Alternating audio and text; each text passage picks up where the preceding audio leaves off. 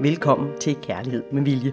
Til dig, der gerne vil skrue op for kærligheden, nærværet og intimiteten i dit liv. Jeg hedder Christiane Møjlingrat. Jeg er parterapeut og seksolog og forfatter, og er din guide. Velkommen til. Kærlighed med vilje. Hvad er det i virkeligheden? For mig er det en betegnelse for det, man også kunne kalde bevidst kærlighed. Det handler altså om, at vi bevidst kan tilvælge at styrke kærligheden i vores liv. Hver evig eneste dag, ja faktisk hvert minut, kan vi vælge at elske, og vi kan vælge at tage imod kærlighed. Det er der bare helt utroligt få af os, der egentlig er opmærksom på. Vi glemmer, at vi i hverdagen træffer helt ufattelig mange valg, enten aktivt eller, og langt langt de fleste, passivt. Og at alle de valg jo har en indflydelse på, også øh, måske på vores job, vores børn, vores øh, udseende og hvad vi har vores klode. Men langt flere af dem, end du ved, har også indflydelse på din oplevelse af kærlighed her i livet. Vi har ganske tit på rigtig, rigtig mange punkter mulighed for at vælge at styrke vores kærlighedsrelationer eller svække dem. Vi er bare utrolig sjældent opmærksom på, at det er de valg, vi går rundt og tager.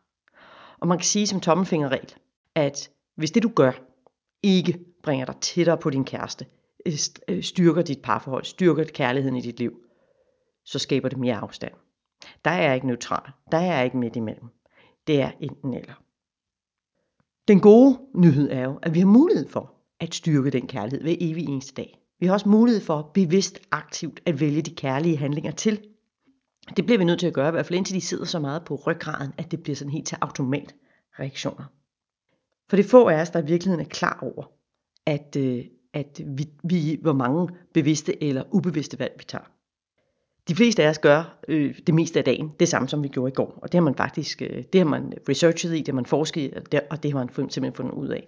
Og øh, inden for hjerneforskning, der findes der et, øh, et øh, øh begreb, der hedder hjernesystem 1 og hjernesystem 2, som er utrolig videnskabelige betegnelser.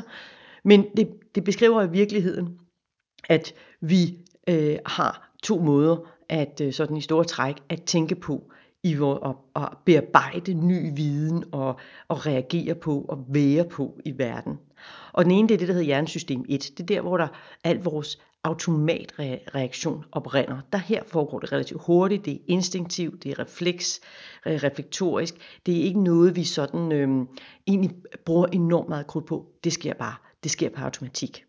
Og så har vi det, der hedder hjernesystem 2. Herover der er vi mere i det, der hedder koncentration, hvor vi gør os umage, vi lærer nyt, vi er, har opmærksomhed øh, og fokus på nogle ting. Og hvis vi nu skulle overføre det til for eksempel når du kører bil. Øh, når du har kørt bil et stykke tid og er blevet god til det, så er det faktisk sådan, at i grove træk kan vi sige, at det der foregår inde i kabinen, det vil sige, øh, du skifter pedaler, øh, øh, du skifter gear, du tænder for blinklyset, øh, den slags, det sker helt per refleks. Altså jeg har det sådan, at nogle gange kommer jeg faktisk til at tænde for blinklyset, blinklyset når jeg skal rundt, når vejen øh, drejer 90 grader af sig selv, altså det, hvor man faktisk overhovedet ikke behøver at tænde for blinklyset, men helt per refleks, så kommer jeg til det, fordi nu skal jeg jo til at dreje. Øhm, og så alt det der, som du har øvet rigtig mange gange, og som sidder helt reflektorisk i dig, det er overgået fra hjernesystem 2, fra dengang du lærte det, hvor du skulle virkelig koncentrere dig om det, for det var helt, der var vildt mange ting, du skulle koordinere på en gang, til hjernesystem 1. Og det betyder, at du så kan bruge din koncentration, dit fokus på alt det, der foregår der uden for bilen, nemlig øh, rødt lys, cyklister, andre bilister, øh, vejens øh, øh beskaffenhed, eller hvad det nu hedder, øh, og hele tiden koncentrere dig om nogle af de andre ting. Det er også derfor, at hvis du kører steder, som du har kørt tit, så er der masser af skilte, du ikke ser mere, fordi at du har allerede læret, om det er vigtig information for dig eller ej. Øh, og det er sådan bare sådan et eksempel på det. Men, men det man mener, det er, at øh, vores kapacitet for at være i hjernesystem 2, altså der, hvor vi gør os umage, der, hvor vi er opmærksomme, der, hvor vi er lidt mere reflekterende, det hele går lidt langsommere, fordi vi faktisk bruger noget krudt på det, vi bruger energi på det. Vores kapacitet til at være der ligger på et sted mellem 10 og 20 procent af vores dag. De fleste af os lægger det på vores arbejdsplads. De fleste af os bruger den energi på vores arbejdsplads. Og så har vi de resterende 90-80%, som altså er det, man kalder hjernesystem 1, hvor det hele foregår lidt mere per automatik, og hvor vi har lidt nemmere ved bare at reagere spontant. Og øhm, du ved også godt selv, at det ikke altid, når du reagerer spontant, at det er den mest optimale reaktion. Men det er altså her, vi befinder os det meste af tiden. Med mindre vi gør en aktiv indsats og altså bevidst træder over i hjernesystem 2. Og det tror jeg faktisk ikke er muligt for os at gøre øh, øh, sådan i meget øh, lang tid ad gangen. Jeg tror vi helt automatisk, fordi hjernen er interesseret i at spare på energien. Hjernen er interesseret i at spare på energien til, når det bliver rigtig farligt. Og det du skal tænke på her, det er selvfølgelig tilbage til urmennesket, hvor det var øh, mere liv og død i hverdagen, end det vi oplever i dag i vores samfund. Så langt de fleste af os træffer altså mange bevidste valg på en dag. Vi træffer til gengæld helt utrolig mange ubevidste og passive valg. Det, der altså, jeg synes er så interessant, det er, at når vi kigger på parforhold, du ved jo godt, hvis jeg bad dig, sæt, hvis jeg øh, bad dig øh, sætte dig ned og skrive, beskrive, hvordan er det ideelle parforhold, hvordan er du den ideelle kæreste, hvordan kunne du godt tænke dig at være, øh, hvordan, øh, hvor fedt kunne det være, så vil du øh, måske skrive en side om det. Super fantastisk. Så kunne jeg jo spørge, hvorfor er du så ikke sådan? Og så kommer der jo en frygtelig masse forklaringer og undskyldninger for, hvorfor vores liv ikke er sådan. Og en hel del af det, det handler om vores ubevidste sind. Det handler netop om det her, øh, vi kan kalde under fælles paraplyen hjernesystem 1. Og det er selvfølgelig lidt mere kompliceret end som så. Fordi det handler så meget om, hvad vi har med i bagagen. Hvad det er, vi har oplevet op igennem vores opvækst. Hvordan vi har set på vores forældre som værende rollemodeller inden for kærlighed og parforhold. Der er jo kun et sted, hvor vi lærer om, hvordan det er at være kærester, og vi ser et parforhold indefra. Og det er i vores barndomshjem. En ting, jeg har lært som parterapeut, det er i hvert fald, at den måde, det der foregår inden for hjemmets fire vægge, det er der kun rigtig få mennesker, der ved, og det er dem, der bor i den pågældende familie eller i det pågældende hjem. Men alt hvad vi gør, hvordan vi reagerer, hvordan vi bliver følelsesmæssigt ramt af noget, det har alt sammen noget at gøre med den bagage, den følelsesmæssige bagage, de erfaringer, som vi har med os. Også måden vi oplever kærligheden, måden vi indgår i nære relationer, måden vi takler det, der er svært i vores liv. Jeg tror ikke, at oplevelsen af stor kærlighed over længere tid er tilfældig. Jeg tror, det er her, hvor vi skal gøre os umage. Det er faktisk her, vi skal vælge at sige, hvor vigtigt er det her for os i vores liv, og så tage nogle bevidste valg. Det at elske er både et valg, det er noget, vi kan nære og gøde, og det er noget, vi kan træne. Og vi bliver faktisk rigtig, rigtig dygtige til det, vi træner hver evig eneste dag.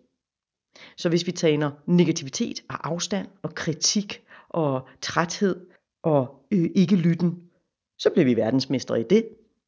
Men hvis vi træner åbenhed og fokus på alt det dejlige i livet, på at lytte, hov, måske, øh, ja, det landet, jeg hørte det her, var det virkelig det, du mente?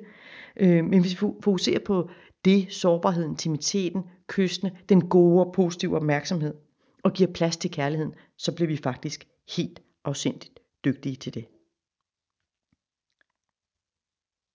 Langt de fleste af os tror, at kærligheden det er noget, der sker for os. Og det er jeg dybt uenig i. Det kan godt være, at vi bliver forelsket i nogen, vi ikke havde regnet med. Det kan godt være, at der sker en forelskelse. Men over længere tid at vedligeholde den kærlighed, vedligeholde de kærlige handlinger, det er ikke noget, der opstår af sig selv. Det er noget, vi kan vælge aktivt til. I min optik er bevidst kærlighed, eller det jeg kalder kærlighed med vilje, det er at tage ansvar for vores egen kærlighed. Både til os selv og til den anden. Til at være villige og ture, at åbne os, at trodse frygten for afvisning og tab og tage bevidste valg, der fremmer, kan man sige, potentialet for endnu mere kærlighed her i livet. Men det indebærer rigtig tit, at vi skal lære os selv lidt bedre at kende. Det indebærer rigtig tit, at vi af til bliver nødt til at se på, hvad er vores andel i der, hvor vi er. Og hvis vi ønsker os noget, der er bedre end det, vi har i dag, så er det faktisk vores ansvar. Det er vores, det er os, der ejer den. Og det kræver rigtig tit mod. Det kræver noget med hudløs ærlighed. Det kræver sårbarhed. Men vi som mennesker, vi er faktisk i stand til at elske hver evig eneste dag. Vi er i stand til at mærke kærlighed. Vi er i stand til, jeg påstår, at, at øhm, vi kan tænde for en knap og mærke kærligheden nu og her. Så hvorfor i verden benytter vi os ikke af det hver dag? Og nu tænker du måske, ah Christiane, jeg kan da ikke bare sidde der og elske på kommando. Nej, det kan man jo godt sige, men hvis nu jeg beder dig om at lukke øjnene et øjeblik. Og hvis du nu sidder på din cykel eller kører bil, så lad være. Ikke? Men, men, men hvis nu beder dig om lige et øjeblik at tænke på det menneske eller det væsen, for det kan jo godt være, at det er et kæledyr, det skal jeg ikke kunne vurdere, som du elsker allerhøjst. Det kan være en, der er i live, det kan være en, der er død. Men det menneske, det væsen, øh, for min skyld kunne det jo være en, en ting, det er for sådan set ligegyldigt, som du elsker aller, allerhøjst. Bare lige, bliv lige, og, og hold lige billedet af det, det menneske, det væsen, det du nu tænker på foran dig, på din indre nethinde. Og så mærk lige efter, hvad det er for en følelse, du får for det menneske. Prøv lige at mærke efter, hvad det er, der sker i din krop. Hvad er det for en, på engelsk vil det være en sensation, og det kan man bedst oversat til en slags sansning, øhm, du oplever. Og det påstår jeg, det er kærlighed. Så det er følelsen af kærlighed. Så vi kan faktisk godt vælge hver dag at mærke den kærlighed. Vi kan også aktivt vælge de kærlige handlinger. Bevidst. Og ja, nogle gange kan det føles meget svært, hvis vi føler, at vi er uretfærdigt behandlet, eller det hele er gået hårdknude, eller øh, vi har fået en frygtelig masse følelser i klemme. Det er lige præcis det, den her podcast er til for. Det er for at hjælpe dig af med eller igennem en masse af de her forskellige ting. Men lige den, det her afsnit handler så meget om, hvorfor at jeg mener, at det allerførste skridt, som vi skal være parat til at tage for at få det mest vidunderlige kærlighedsliv, det er at acceptere, at vores eget kærlighedsliv ligger i vores hænder. Det er altså dig, der former og skaber dit kærlighedsliv. Og så tænker du måske, måske jamen Christiane, jeg har jo en partner, og hvis han eller hun bare øh, gad gøre sådan og sådan, eller hvis han, han skal ændre sig, eller hun skal ændre sig, eller jeg kan jo ikke, fordi at det er jeg helt med på. Men du kan ikke ændre andre mennesker. Den måde, du vælger at gå ind i relationen på, er afgørende for din oplevelse af den relation. Vi tager valg hele tiden, om vi er, øh, om vi, om vi ønsker det eller ej, aktivt eller passivt. Og selv de valg, som vi til sydenledende tror ikke involverer vores partner, påvirker alligevel vores oplevelse af kærlighed. Alt hvad vi gør, det bringer os enten tættere på, og et stærkere og mere dejligt og øh, ved, vedrørende, vedkommende kærlighedsliv, eller længere væk. Og det er dit valg. Med de ord vil jeg bare sige, at jeg inviterer dig med på en rejse, hvor du får åbne op for at mærke efter, hvad der sker i dig. At mærke kærligheden med vilje. Fordi jeg i virkeligheden ønsker for dig, for mig selv, for alle mennesker, at vi går igennem det her liv med oplevelsen af stor kærlighed. For det er noget, jeg har lært i min rejse, så er det, at det vigtigste i vores liv, det er kærligheden, og det er relationerne til andre mennesker. Velkommen til. Har du noget, et emne, et spørgsmål, en, noget du undrer dig over inden for kærlighed, parforhold, sexliv, så skriv til mig på min mail hello christiane.nu og så tager jeg det op her i Kærlighed med Vilje podcasten. Jeg tager det op i det, jeg kalder Love Hacks, som er genvejen til mere nærhed, mere intimitet, mere glæde og mere kærlighed. Du kan finde meget mere information, inspiration på min hjemmeside christiane.nu. Du kan finde mig på Facebook og Instagram, og så kan du både lytte til og læse min bog, Kærlighed med Vilje. Sådan fornyer du nærværet, lysten og intimiteten. Jeg hedder Christiane Møgengragt, din parterapeut og seksolog.